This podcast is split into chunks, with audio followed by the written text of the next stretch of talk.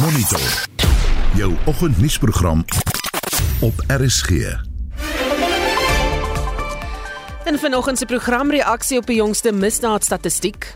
Begin met 'n vaardigheidsaudit in die Suid-Afrikaanse Polisie Diens, bepaal wie is op meriete aangestel en indien nie, raak van hulle ontslaa.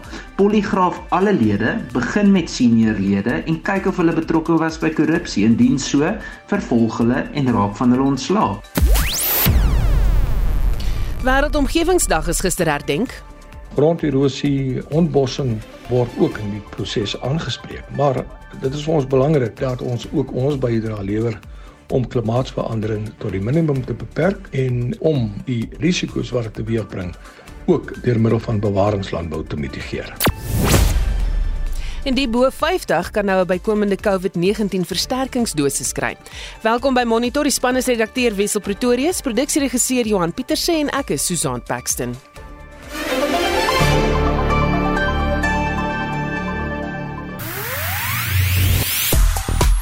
So gister was wêreldomgewingsdag. Mense voel altyd so magteloos dat hulle nie eintlik veel kan doen nie, veral nie as 'n enkeling nie. Wat ek kan vir jou sê, ek het nou 'n groot plan en dit is om binne 2 jaar selfvoorsienend te wees. Ek is soos waarskynlik baie ander mense moeg vir beerdkrag en om van die regering afhanklik te wees vir stabiele elektrisiteitsvoorsiening. En natuurlik is kragopwekkers nie die beste oplossing nie, want ons dra dan net nog by tot uitlaatgasse. En hier is ons in Suid-Afrika met van die meeste sonskyn dae in die wêreld. So hoekom is ons nie almal van sonkrag afhanklik nie? Dit is 'n uittreksel van 'n bydrae wat ons bietjie later in die program gaan speel. Ons wil by jou weet vanoggend, wat doen jy om die omgewing te bewaar? Stuur 'n SMS na 45889 teen R1.50. Jy kan ook op Facebook saampraat en uh, dalk vir ons self 'n stemnota stuur op Messenger of op WhatsApp vir ons 'n stemnota stuur na 076 536 6961 076 536 6961. Goeiemôre. Rafael Nadal verower sy 14de Franse Ope tennistitel. Die Bulls en die Stormers bespreek hulle plekke in die halfeindrondes van die Verenigde Rugby Kampioenskapsreeks. En die Protea vroue kriketspan vandag in die tweede T20 wedstryd in aksie. Dis Christo Gawie vir RSG Sport. En die NBA basketbal toernooi trek heelwat aandag op Twitter, daardie gonswoorde Clay, Warriors, Celtics en 'n pool en die 2020 rooftog op die president se plaas trek steeds aandag. Die naam van daardie plaas, Palapala, is al bykans 6500 keer getweet.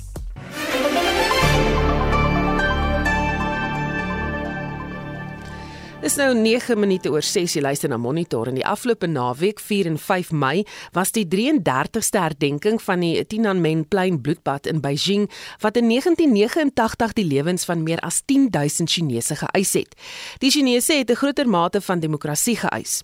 Anita het Jaco Kleinhans, Solidariteit se internasionale kommentator gevra of die dood van die betogers enige nut gehad het. Wel ek dink die enigste nut wat uh, die opstande in 1989 in Beijing gehad het was dat dit uiteindelik gelei het tot 'n konsolidasie van mag binne die kommunistiese party. Die opstande is voorafgegaan deur 'n wesenlike debat binne die kommunistiese party rondom politieke hervormings. Daar was 'n sterk stroming binne die politieke elite van China wat gesê het dat meer politieke hervormings nodig is en uiteindelik het die leierskap van die party onder Deng Xiaoping besluit om hierdie opstande te onder druk en in die 2 of 3 jaar daarna ontslae te raak van almal wat in gunste van hervormings was. En die afgelope 3 dekades sien ons eintlik hoe China en eintlik die regime in China meer onderdrukkend geraak het en hoe 'n polisie staat eintlik maar daar ontstaan het. So as jy nou moes terugkyk en sê kon hulle maar net sowel nie die opstande gehad het nie want dit het nie demokrasie vir die mense gebring nie maar ek sien dat destydse koerant in diepte artikels het gepraat van die idee was dat die Chinese sê die hele tyd okay julle het nie demokrasie nie maar ons groei die ekonomie vir julle ons gee vir julle 'n beter lewe. Maak daai argument vir jou sin Jaco? Ja ek dink wat die afgelope 3 dekades eintlik gebeur het is is dat daar 'n soort van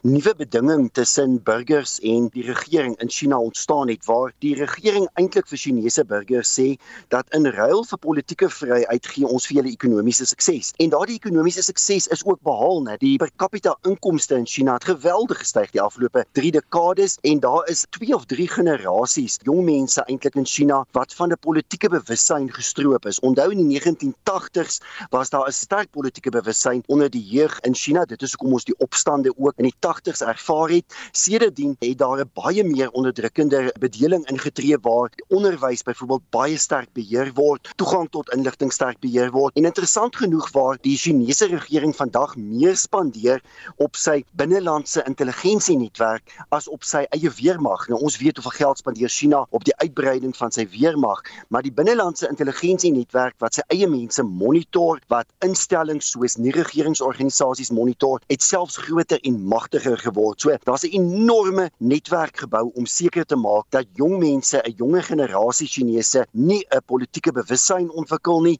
en dis nie die behoefte ontwikkel vir groter politieke vryheid nie. Jaco, moes die weste anders gereageer het, sterker gereageer het? Hoeveel opsies het uh, die weste gehad? Ek dink daar was heelwat politieke naïwiteit gewees. Jy weet nog so onlangs soos 2022 jaar gelede het George Bush gesê, dit was nou toe China net voordat China aangesluit het by die Wêreldhandelsorganisasie, het Bush gesê dat uh, handel uiteindelik die oplossing sal wees, dat handel uiteindelik tot politieke hervorming in China sal lei. En ons sien eintlik dat presies die teenoorgestelde gebeur.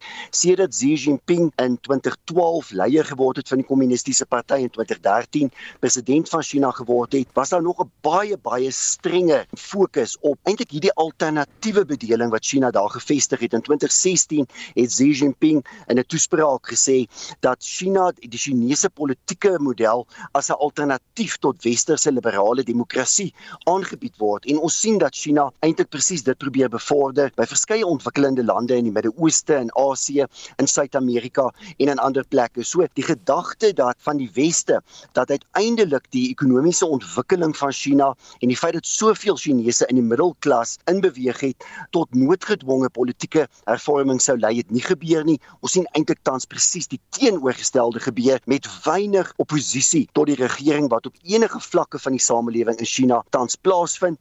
Daar's deeglike ondersoeke onlangs deur universiteite in Amerika gedoen wat presies gaan ondersoek het watter mate daar georganiseer word in China. Dit is om die waarheid te sê uiters beperk tans. Mense word eintlik verplig om saam te stem met die idees van die regering daar. Jaco, wat maak dit alles saak vir Suid-Afrikaners? Wel, ek dink vir Suid-Afrika is dit belangrik omdat China toenemend 'n belangrike bondgenoot is van Suid-Afrika. China is ook Suid-Afrika se belangrikste handelsvennoot en ons sien dat daar by die Suid-Afrikaanse regering 'n baie sterk uitreik na China is. So die groot vraag is in 'n wêreld waar ons duidelik 'n groter breuk begin sien tussen verskillende idees, aan die een kant die westerse vrye markgesinde, liberale oop uh, samelewings en aan die ander kant meer autoritaire geslote samelewings is die vraag waar gaan Suid-Afrika homself posisioneer? Ons het die afgelope paar weke gesien dat baie westerse leiers uitgereik het na Suid-Afrika juis omdat hulle wil sien dat Suid-Afrika meer in die rigting van 'n demokratiese liberale oop gemeenskap bedeling moet beweeg waar Suid-Afrika homself in 'n groot mate tans bevind. Maar daar is vrese dat die Chinese invloed in Afrika uiteindelik ook in Suid-Afrika kan lei tot meer onderdrukking van vrye instellings soos 'n vrye media, vrye burgerlike samelewing en in daardie opsig is dit belangrik want Suid-Afrika staan nie los van hierdie idee stryd wat tans in die wêreld afspeel nie. Jaco Kleinhans, Solidariteit se internasionale kommentator met wie Anita Visser die onderhoud gedoen het. Die ANC het die naweek 'n streekskonferensies in die Johannesburg en Tshwane metros gehou asook sy Limpopo konferensie in Polokwane. Nuwe streeksvoorsitters is verkies. En vir meer hieroor praat ons nou met die dekaan van Geesteswetenskappe aan Akademia, professor Pieter Dievenage. Goeiemôre Pieter. Goeiemôre Susan. So dan Dada Morero is tot streeksvoorsitter in die Groter Johannesburg gebied verkies en in Tshwane Eugene Modisi vir Dr. Gossi Mahepa ontroon. Uh, hoe belangrik is Gauteng se leierskap nou as ons kyk na hoeveel steun die ANC verloor het? Wel, uh, kyk uh um Gauteng is is 'n simbolies baie belangrike provinsie, nê, nee, vir die ANC en uh, ons het nou die verkiesings in Johannesburg sowel as in Tshwane gehad. Ehm um, en soos ons ook al voorheen gepraat het, jy weet Susan, dit is simbolies 'n baie belangrike provinsie want dit is industrieel belangrik en dit is ook 'n provinsie wat uh wat die ANC aanbetref redelik sterk agter president Ramaphosa staan, jy weet tradisioneel. En ons het nou hierdie verkiesings gehad, maar soos jy tereg daarop wys, uh dit is 'n provinsie waar die steun van die ANC klaarblyklik al hoe meer uh agteruit gaan as mens so kyk na tussenverkiesings. Ja, dan by die Limpopo konferensie in Polokwane is Stan Matabata as provinsiale voorsitter herkies. Hy het openlik homself as 'n Cyril Ramaphosa bondgenoot verklaar. Ja, kyk, uh, Limpopo is baie sterk ook uh, Ramaphosa provinsie. Jy weet, ons praat nou oor hierdie dinge en dan moet ons aan hakkies hou wat nou met president Ramaphosa gebeur elders. Maar vir die oomblik moet ons dit net daar laat, jy weet, dit is dit is 'n verdere ontwikkelende storie. Maar Stan Matabata, soos jy reg daarop wys, het uh, redelik maklik gewen teen Dixon Masamola in die Limpopo provinsie en uh hy is natuurlik dis die interessante die huidige premier van Limpopo. Nou die probleem is net hy mag net sy tweede termyn uitdien tot 2024. Maar nou gaan hy 'n leier, hy's nou weer leier van Limpopo vir 'n 5 jaar periode. Dit beteken vanaf 2024 gaan jy twee ehm um, jy weet twee magte hê soort van in Limpopo. Maar hierdie is 'n baie sterk ANC provinsie, weet, hulle het so 75% van die steun gehad in die laaste provinsiale verkiesing en uh, ek dink die steen sal ook 'n bietjie daal in Limpopo maar veel minder uh, as in Gauteng waaroor ons nou net gepraat het wat eintlik in die weegskaal is vir die ANC. Hmm. Wat die agtergrond tot die ANC se leiersverkiesing op die oomblik? Wel, die interessante is dat die alles lei nou na Desember, nê? Nee? Dit is wanneer die groot nasionale verkiesing gaan wees vir die belangrikste 6 uh, persone in die ANC en dan ook vir die nasionale uitvoerende komitee die UNK so ehm um, jy weet dit is uh, dit is baie belangrik. Alles lei nou op na Desember maar dit geskied binne hierdie groot ehm um, die groot stryd tussen aan die een kant die Ramaphosa faksie en die sogenaamde RET faksie of die ra radikale ekonomiese transformasie faksie. En dit lyk vir my asof uh, president Ramaphosa vir die oomblik baie sterk staan. Jy weet as jy kyk na die vorige verkiesings wat gehou is in die Oos-Kaap Mpumalanga en dan het ons dan pas verwys na die streeksverkiesing van Gauteng. Dit was Ekurhuleni en nou het ons Johannesburg en uh, Tshwane gehad en die Noord-Kaap uh, en nou Limpopo uh, is dit deurlopend is die steun baie sterk vir president Ramaphosa. Maar weer eens Susan wil ek die punt maak, dit is natuurlik nou gegee dat hierdie ander saak wat rondom uh, president Ramaphosa ontvou, jy weet die geldsaak op sy plaas dat dit nie ernstig sal word nie want uh, tot dusver loop dit eintlik vir hom baie goed by al hierdie provinsiale en streekskonferensies wat soos ek gesê het uh, lei na Desember uh, later vanjaar. Baie dankie, dit was professor Pieter Dievenage, die dekaan van Geesteswetenskappe aan Akademia. Wêreldomgewingsdag is gister gevier en die minister van Bosbou, Visserye en Omgewingsake, Barbara Krisi, waarsku dat elke Suid-Afrikaner moet besef dat klimaatsverandering 'n realiteit is waarmee ons elke dag te doen gaan kry. Sy sê dit is duidelik sigbaar in die onlangse vloede in KwaZulu-Natal. Krisi sê haar departement gaan nou baie klem plaas op die kwessie. World Environment Day comes in the aftermath of the recent flooding in KwaZulu Natal, the Eastern Cape, and parts of the Northwest that resulted in the deaths, very tragically, of hundreds of people, destroyed homes, livelihoods, and also key infrastructure. These terrible events brought home to each and every one of us that climate change is now part of our lived reality. And it helps us to understand the urgency of addressing our unsustainable development path. Krisis sê as ons nie dringend in harmonie met die aarde begin leef nie, gaan meer en meer mense elke jaar sterf. Through the campaign, everyone is invited to take collective action to address one or more aspects of the triple planetary emergency of climate change, biodiversity loss, environmental degradation and pollution. Now, the natural world provides critical ecosystem services to human society. including the air we breathe, the water we drink, the soil and the grasslands that nourish our food, as well as the forests and the oceans that absorb dangerous greenhouse gas emissions and regulate the planet's temperature.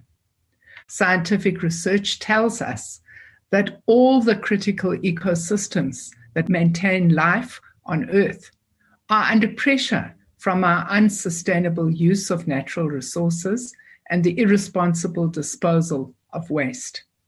A recent study by the United Nations Environment Programme found that air pollution, much of it from burning fossil fuels, causes around 7 million premature deaths across the world each year. Krisis sê die mensdom se tyd is besig om min te raak. Nutrients from farming, sediment from soil erosion, and discarded plastic waste are polluting our rivers and our coastal waters. The emphasis is clear. time is running out to ensure we protect our ecosystem services and ensure that our current use of natural resources does not threaten the safety and survival of our children and our grandchildren. Now, the South African government has significant programs to combat climate change, prevent biodiversity loss, reduce pollution, manage waste more sustainably, and restore ecosystem services as a signatory to all three of the Rio Conventions. Our government has undertaken to reduce our carbon footprint from 2025. By working with seven sectors of our economy, we aim to achieve a low carbon economy and a climate resilient society by mid century.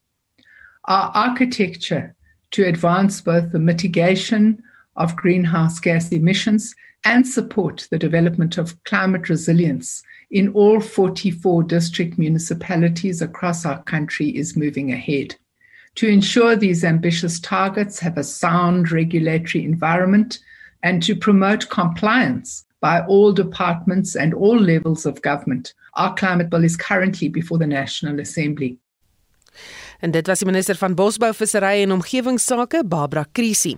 Petron, 'n onafhanklike konsultant in bewaring en ontwikkeling, sê Afrika se geheel het unieke uitdagings wat betref bewaring en die simbiotiese verhouding tussen die omgewing en die mens.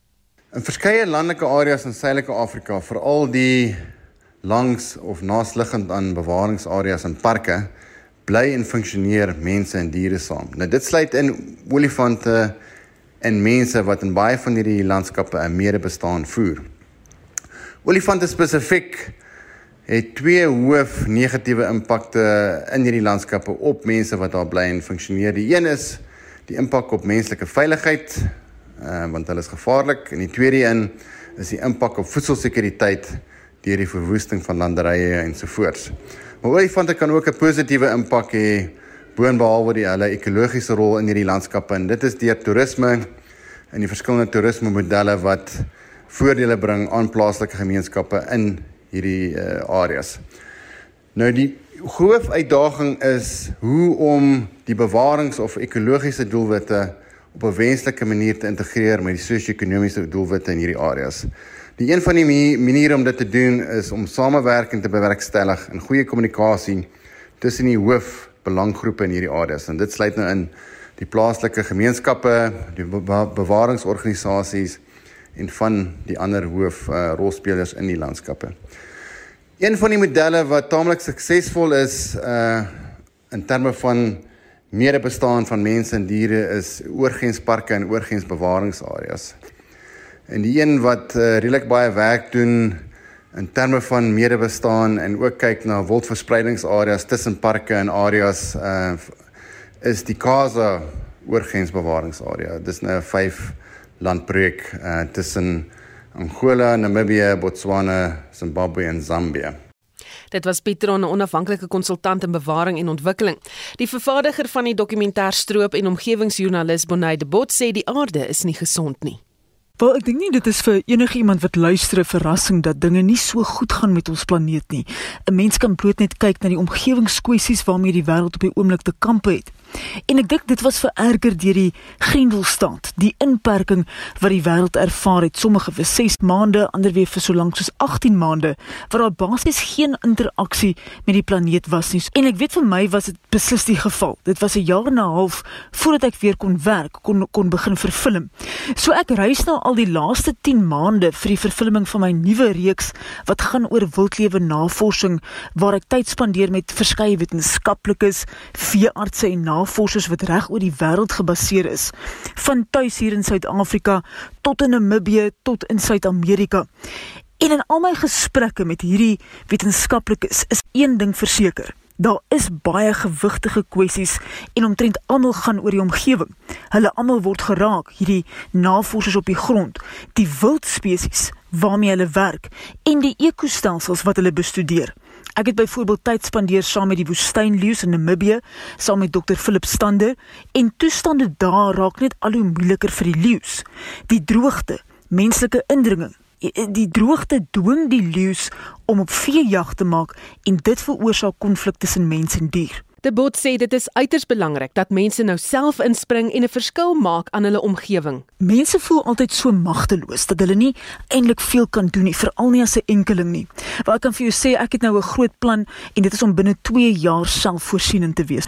Ek is soos waarskynlik baie ander mense moeg vir beurtkrag en om van die regering afhanklik te wees vir stabiele elektrisiteitsvoorsiening.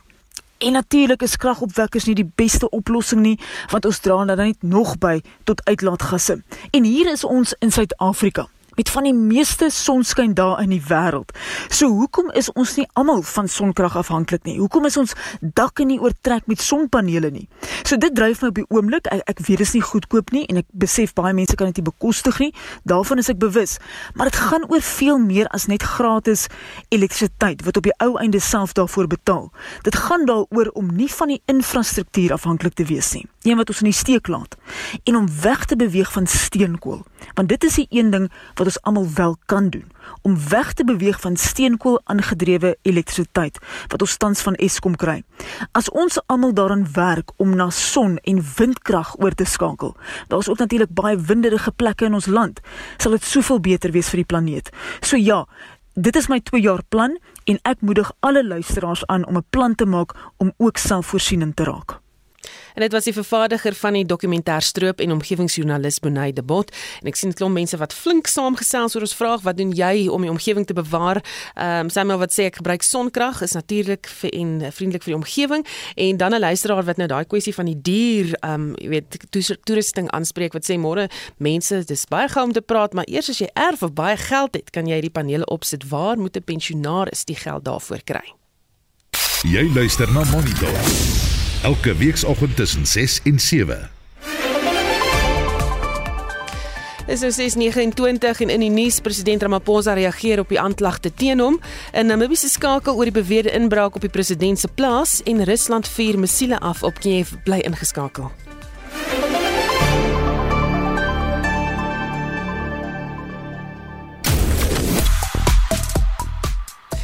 Tyd vir sportnuus en Christo Gawies het gereed met die naweek se sport. Môre Christo. Ja, goeiemôre Susan en 'n pragtige dag Suid-Afrika. Rafael Nadal verower sy 14de Franse Ope tennistitel. Hallo Susan, kan jy vir my hoor? Ek hoor jou nou, daar sê. Goed. Vertel ons 'n bietjie van Rafael Nadal se 14de Franse Ope tennistitel. Ja, die koning van die kleibaan Nadal het dit vermag deur die 8ste gekeerde Noorweer Casper uh, Ruud in 3 stelle met 6-3, 6-3 en 6-0 te klop. Ruud is die eerste Noorweer wat in 'n Grand Slam eindstryd gespeel het. Die wedstryd wat 2 ure en 17 minute geduur het, het gesorg vir die vyfde gekeerde Spanjaard se 22ste Grand Slam titel. Nadal het tot dusver koning gekry elke Franse Ope waarin hy deelgeneem het. Die seëge plaas hom dan derde op die ranglys wanneer dit later vandag uitgereik word. Die wêreld se voorste vroue speler, Iga Swiatek van Pole, het gister die dames afdeling gewen toe sy die Amerikaner Coco Gauff met 6-1 en 6-3 kaf gedraf het. Dit is die 21-jarige Swiatek se tweede Franse Ope en Grand Slam titel nadat sy 2 jaar gelede ook die trofee in Parys omhoog gehou het. Nou, die Bulls en Stormers spreek hulle plek in die halfeindrondes van die Verenigde Rugby Kampioenskapsreeks.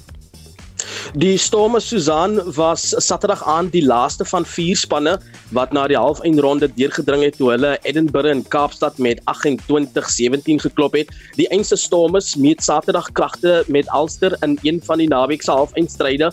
Ulster het reeds Vrydag aand hulle plek bespreek toe hulle Munster met 36-17 getroof het. Die Bulls het ook Saterdag deurgedring toe hulle die Sharks met 30-27 huis toe gestuur het danksy 'n skepskop deur Chris Smith in die doodsnike van die wedstryd.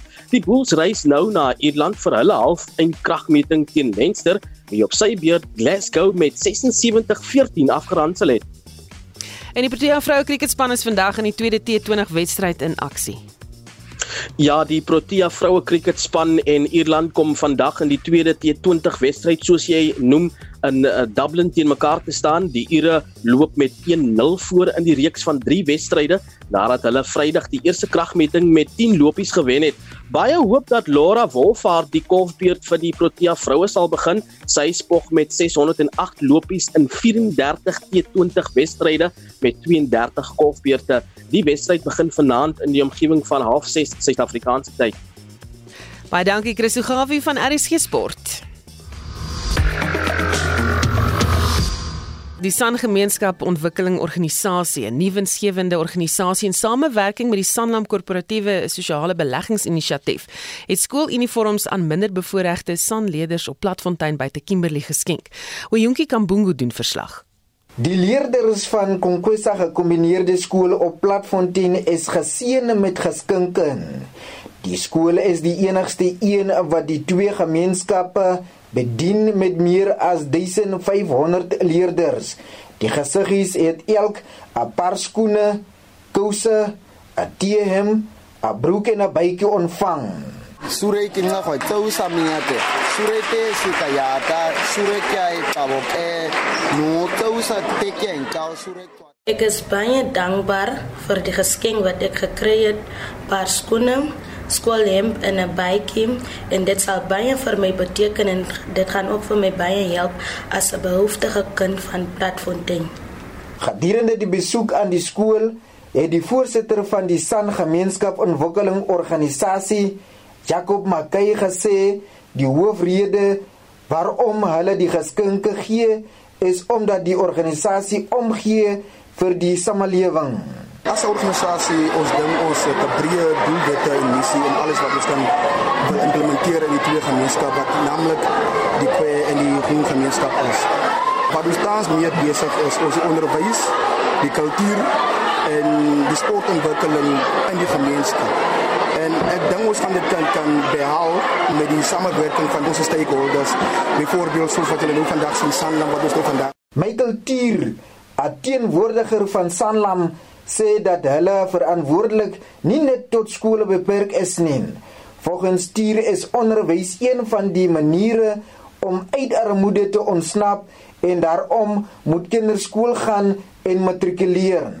Tier sê ook dat daar van leerders verwag word om te konsentreer, maar hoe doen 'n leerder dit as hy of sy koud en honger is? Maar oor die jare van Suid-Afrikaners en ons steeds baie loyal towards it. In die Bybel is daar 'n versie wat sê it is more blessed to give than to receive. Dit is baie baie. Ons het gesien dat hier is 'n geleentheid vir ons om die gemeenskap te bless. En hoe meer ons bless, hoe meer ons hier is dat al hoe meer blessings wat ook terugkom na Sanlam toe. En, en, dit is onze responsibility. Ons weet daar is een behoefte in de gemeenschap. En wat ons kan helpen, voelen ze het is een blessing voor ons. Om geleend te om te kan helpen. Dit dan was Michael Tier, 'n teenwoordiger van Sanlam. Hierdie verslag is in samewerking met Fristo Mangumbu saamgestel. Ek is Wyonge Kambungu op Platfontein buite Kimberley. Mense bo die ouderdom van 50 kan van vandag af 'n bykomende COVID-19 enstofversterkingsdosis ontvang 120 dae na die laaste een. Ons praat nou met die direkteur van die Bekesisa Sentrum vir Gesondheidsjournalistiek Mia Malan. Goeiemôre Mia. Goeiemôre Susan. So hoekom is daar nou hierdie versterkingsdosis? Wel daar is data wat wys dat as jy 'n uh, 'n ekstra booster kry dan um, verhoog jou teenliggaampies, so jy sal 'n bietjie minder geneig wees om vir 'n paar maande um, die virus op te doen en jy sal ook beter beskerm wees teen um, siek word. Maar een van die hoofredes um, behalwe na die data wat daar is in Suid-Afrika is dat ons 'n oormate van Pfizer um, uh, vaksines het. Um, ons het te veel van hulle, ons gebruik hulle te stadig. So teen die einde van Oktober sal al die die huidige ehm um, vaksin wat ons het vir Pfizer sou al verval het. So dit is een manier om ons te kry om dit 'n bietjie vinniger op te gebruik. Hmm. So hoe werk dit dan nou? Waartoe gaan ek met dit? So jy kan enige um, van vandag af na enige um, vaksin site gaan om die booster te kry. Jy moet net 50 en ouer wees en jy kan net 'n vaksin um, van Pfizer kry vir 'n booster. So jy kan nie in hierdie geval sê um, gesondheidsdepartement doen mix and match nie. Jy moet 'n Pfizer booster vat want dit is deel van die rede is sodat ons die Pfizer vaksin vinniger kan opgebruik. So jy moet 4 maande wag na jou vorige dosis en jy kan uiteraard net gaan vir hierdie booster as jy jou volledige ehm um, vaksin reeks gekry het en as jy ook dan nou ehm um, jou booster jou, jou eerste booster gekry het. So dat jy hoef nie 'n Pfizer vaksin eers te gekry het om hierdie Pfizer te kan kry nie. Jy kan of 'n J&J dosis of 'n Pfizer dosis aanvanklik gekry het en dan kan jy na jou vorige booster kan jy 4 maande wag, 120 dae voor jy hierdie booster kry. Hmm. En hoe sal die betaling daarvan werk?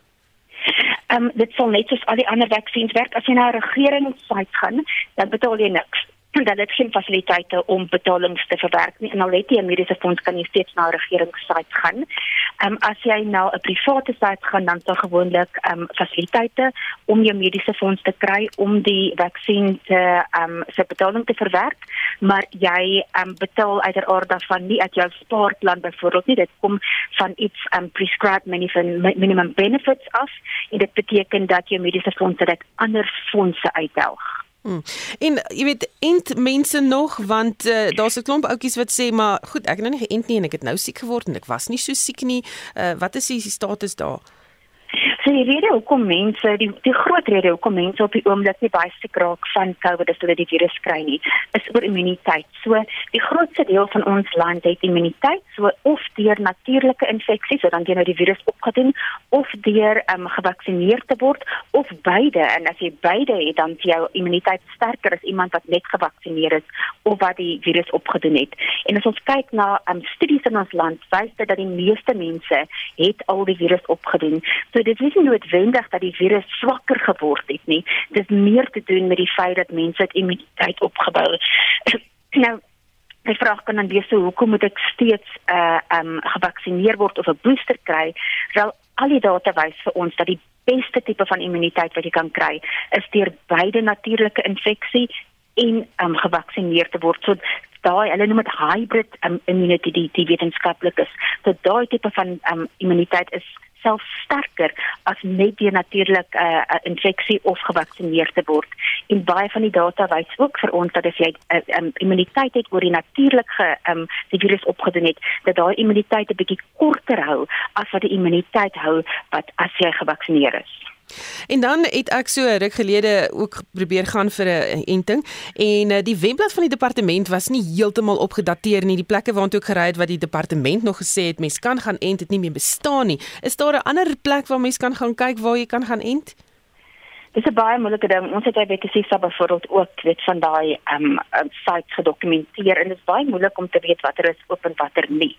Ek dink die algemene reël is dat private sites het gouer toegemaak as regeringssites omdat die private sites moet die ehm um, die inentings gaan koop en, en dan weet en, en, en moet dit dan opgebruik dit anders werk by regeringssites. So as ek iemand is wat 'n site soek op die oomblik sal ek nou regerings um, site gaan want um, jou kans is baie beter om daar gehelp te word op die stadium met my persoonlike ervaring en ook die meeste regeringssites het beide J&J en Pfizer.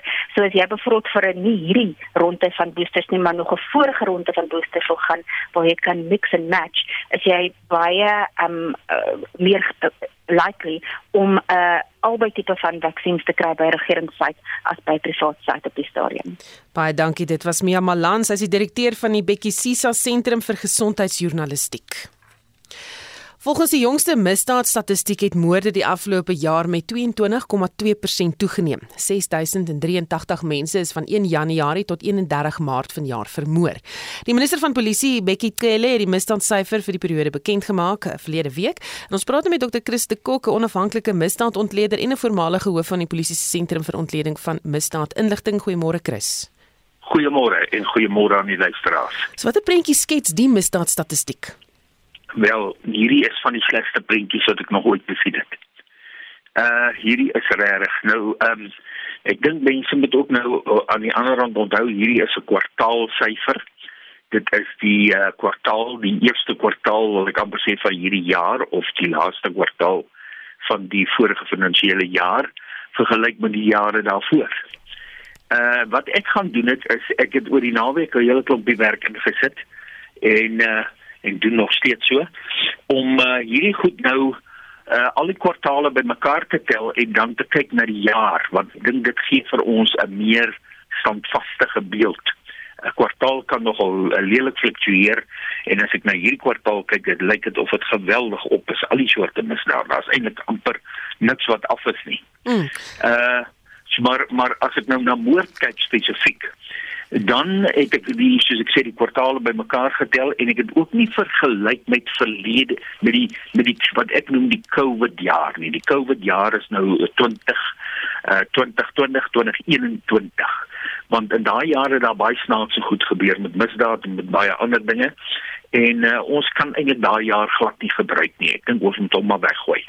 Uh en ek het dus hierdie laaste jaar tot 21 22 wat 'n meer normale jaar was vergelyk met die normale jaar van 2019 2020.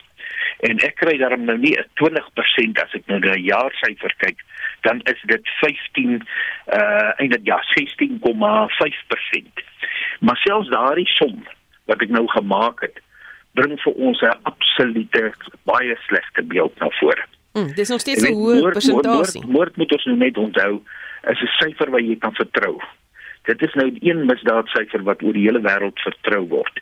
En 'n land ek het nog nooit gehoor van 'n van 'n toename van 16,5% op 'n nasionale vlak nie. Is daar dalk 'n oorsaak wat mense kan sê goed dit is hoekom hier so baie mense vermoor word? Oek, daar's baie oorsake van moord. Ek dink een van die van die belangrikstes wat ek wil beklemtoon, hoe sê, goed, kom ons begin by die grootste oorsaak van moord bly natuurlik nog steeds dink ek sosiaal. Dit wil sê ehm um, gevegte tussen mense, argumente tussen mense uh, wat mekaar ken, uh uh vriende, uh, familie en so aan en dan het, uh, loop die argumente uit op 'n uh, aanranding en dan raak die aanranding te erg en iemand word vermoor of daar's 'n poging tot moord. Uh ek wou net sê poging tot moord lyk presies dieselfde, baie baie sleg oor 'n jaar lyk dit ook is dit ook hier by 15 16%. Maar wat ek nou wil sê, dit is die grootste oorsaak nog steeds van moord. So, daar kon 'n toename van daardie moorde gewees het, maar ek dink dis onwaarskynlik. Ek dink die rede vir die stygings is die tweede oorsaak van moord. Die tweede grootste oorsaak. Nou die tweede grootste oorsaak van moord is roof. 'n Moorde gepleeg tydens rooftogte. Watter soort roof ook al, of dit nou transitoerowe is of dit huisrowe is of dit besigheidsrowe is. En ek dink meer en meer word brute geweld gebruik en mense word vermoor. Hmm. En dan die reaksie van sekere gemeenskappe uh, die armer gemeenskappe daar waar daar nie veiligheidsmaatskappye is nie kom ons kyk na Khayelitsha maar baie baie Khayelitsas waar mense dan dood eenvoudig totale vertroue in die polisie verloor het En uh, dan word eenvoudig as daar so 'n rooftog was, 'n straatroof byvoorbeeld, sal hulle mense identifiseer, hulle vang en hulle dan doodmaak. En uh, en daardie uh moord gedurende roof en die reaksie, die vigilante aksie daarop. Dit uh dink ek is die eintlike ding wat toegeneem het. Mm. Ek dink dit is wat wat wat vir ons hierdie geweldige stygings. Ek het nog nooit so iets gesien nie uh, terwyl ek 18 jaar by die polisie was, sowel as die amper 10 jaar wat ek nou alweer daar weg is, maar nog steeds aktief misdaad ontleed. Toe in hierdie tipe syfers dat dit 'n oorlogsone is of is dit 'n oordrywing? Ja. Ja, mense wil nie graag daai woorde gebruik nie. Mense wil nie jou land uh, beskryf oorlogsone en so nie, want dit het baie baie negatiewe effekte, maar ek moet vir jou sê, ek dink uh, ek moet sê, ek dink dat dit uh, dat hierdie getalle wat ons hiervan praat, begin lyk na 'n oorlogsone. Hm. Ontvoerings. En ons het hmm. interessant ook, ek wil net miskien dit noem, ek dink dis baie belangrik dat die ou uh, luisteraar dit weet. Teen die einde van die 90s, teen die einde van die 90s, net na die transisie, het ons ook baie hoë moordsyfers gehad. 24000, 25000. En toe is daar met baie sistematies onder die presidentskap van meneer Mbeki is die misdaad afgewerk. Vanaf 2003 elke jaar is hy verminder, verminder, verminder. Uh die teiken was met 7 tot 10%, maar dit nooit die teiken bereik nie, maar is bietjies bietjies verminder. En teen 2012 het ons gestaan op net bo die 15000 moorde. Nou na my berekeninge hier vir 'n jaarsyfer staan ons nou op 24865.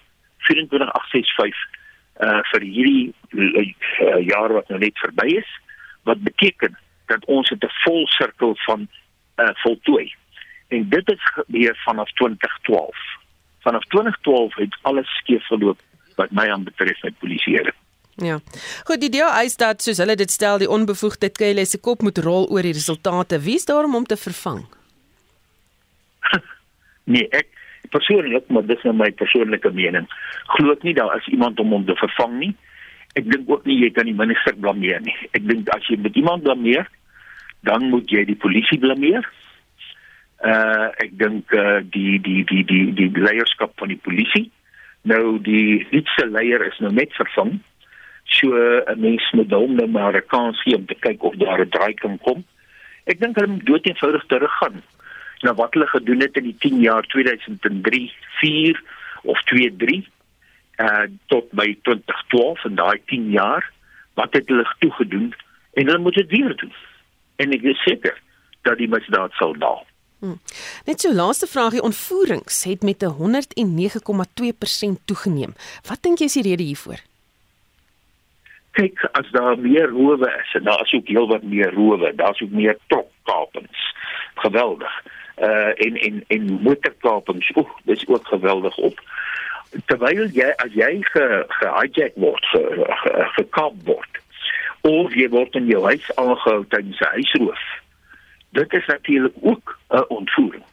Die oomblik wat jy teen jou sin, dis nie noodwendig dat daar 'n uh, 'n losprys geëis moet word nie. As jy teen jou sin in jou huis aangehou word, ontvoer word, uh tydens 'n motorkaping vir 20 km daar gooi hulle jou af of so iets van die aard veral in trokkapings dan is dit natuurlik ook 'n toename gee dit vir jou ook 'n toename in in in kidnappings of in uh, ontvoerings.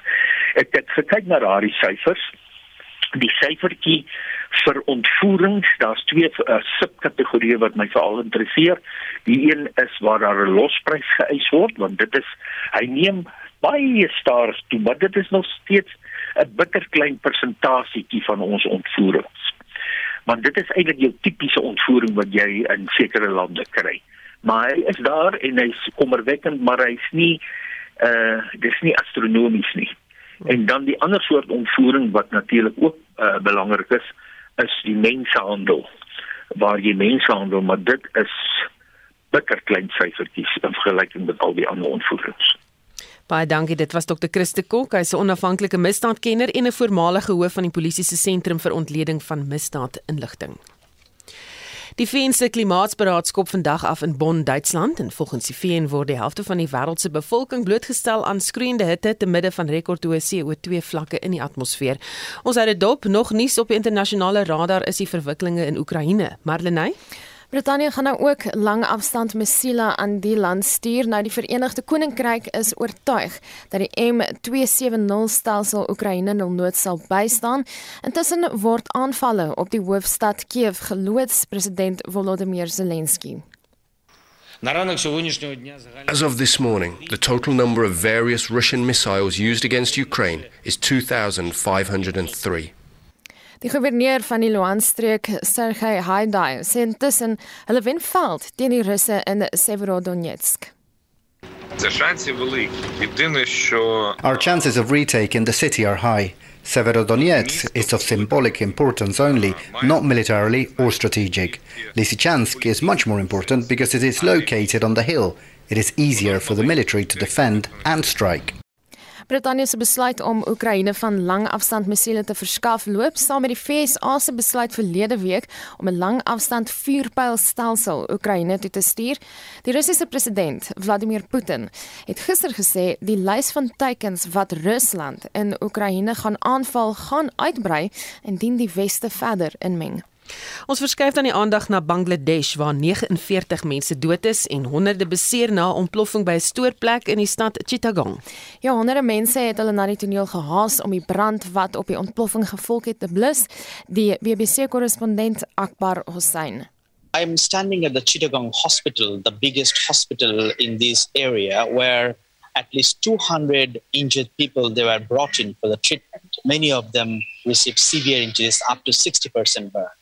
Yesterday, and uh, when the fire uh, broke out in the place of accident, I visited the area. The firefighters still trying to clear the rubble. They have managed to uh, diffuse the fire after 30 hours of frantic effort. En uh, dit was die BBC korrespondent Akbar Hussein. Dit is 'n stroomhulde blyke in na die dood van een van die rockgroep Bon Jovi se stigterslede Alec John Such. Ja, hy is dood in die ouderdom van 70 en word beskryf as wild en vol lewe. Hy was van 1983 tot 1994 in die groep en treffers van daardie tyd sluit in You Give Love a Bad Name, Living on a Prayer in Bad Medicine. Dis mos nou hoe mens wil uh, onthou word, wild en vol lewe. Inderdaad. Dit was maar 'n lyfie skem met die oggend se internasionale nuus gebeure. Die nasionale skoolvoedingsskema verskaf maaltye aan meer as 9 miljoen skoolkinders. Vir die meeste van die leerders is dit die enigste maaltyd vir die dag. Die burgerregte organisasie Equal Education sê die voedingsskema as vir leerders in arm gebiede 'n lewensaar. Winsimo Fokeng het meer besonderhede. Duisende leerders is in 2020 en 2021 honger gelaat toe streng inperkingsmaatreëls ingestel is weens die COVID-19 pandemie. Ander leerders het voedsel ontvang wat hulle na bewering siek gemaak het. Dus het Equal Education, die departement van basiese onderwys, hof toegeneem sodat die nasionale skoolvoedingsskema hulle huis in orde moet kry. Die Hooggeregshof in Pretoria het verlede jaar gelas dat die departement 'n praktiese oplossing vir die probleem moet vind. 'n Navorser by Equal Education, Stacy Jacobs, sê daar is sedertdien vordering gemaak.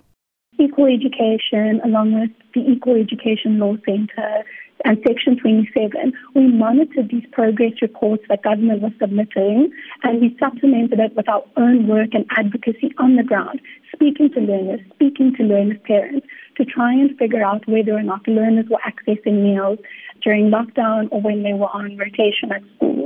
And we, in fact, saw an increase in uptake of meals. We saw government communicate better with school communities that the national school nutrition meals were available.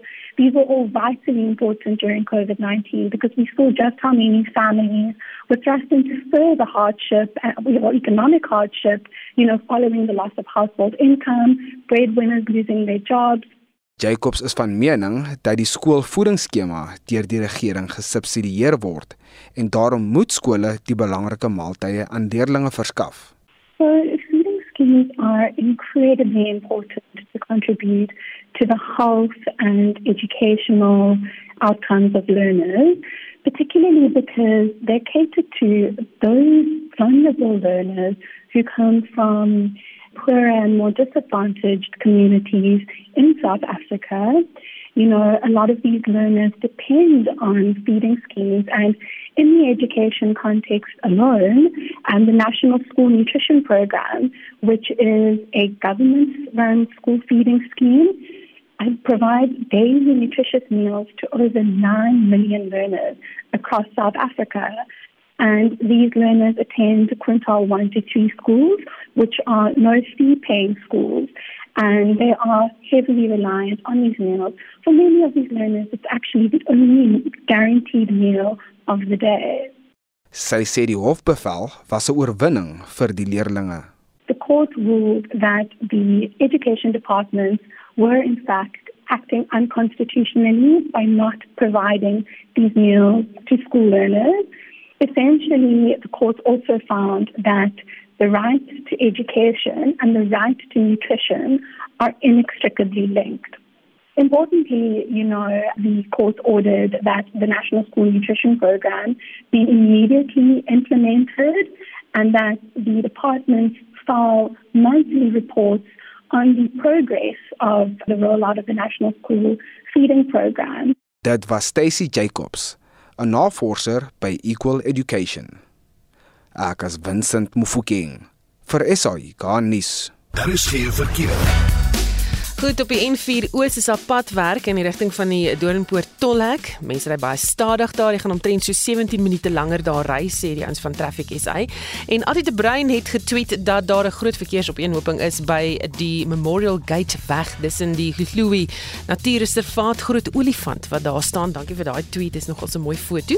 En in ander verkeersnuus, want dit is redelik stil vanoggend, kom ons probeer dit so hou, is daar 'n probleem lyk like dit vir my in Kloofendal met op die hoek van Matreis en Wilgroot is die verkeersligte buite werking en dis jou verkeersnuus vanoggend.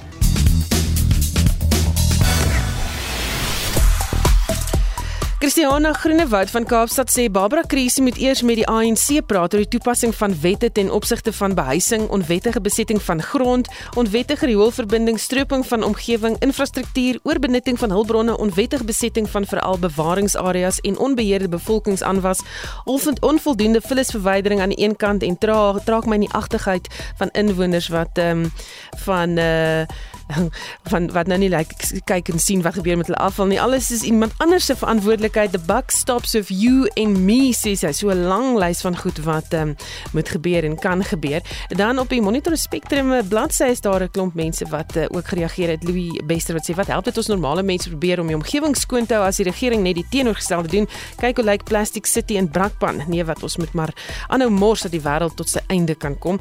Is uh, nogal 'n baie donker uh, boodskap daardie en hy uh, was 'n interessante een gewees Johanna Solomon wat sê ek hou my sypaadjie vir my huis en kleuterskool is kleuterskool skoon. My ma het gesê as jou yard buite vuil is lyk dit binne ook so.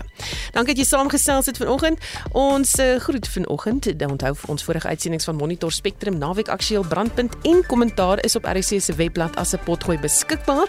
Ons groet namens ons uitvoerende regisseur Nicoline de Wee redakteur Wessel Pretorius en ons produksieregisseur is Johan Pieterse onthou op en wakker net hierna tussen 7 en 9. My naam is Susan Paxton. Geniet jou dag.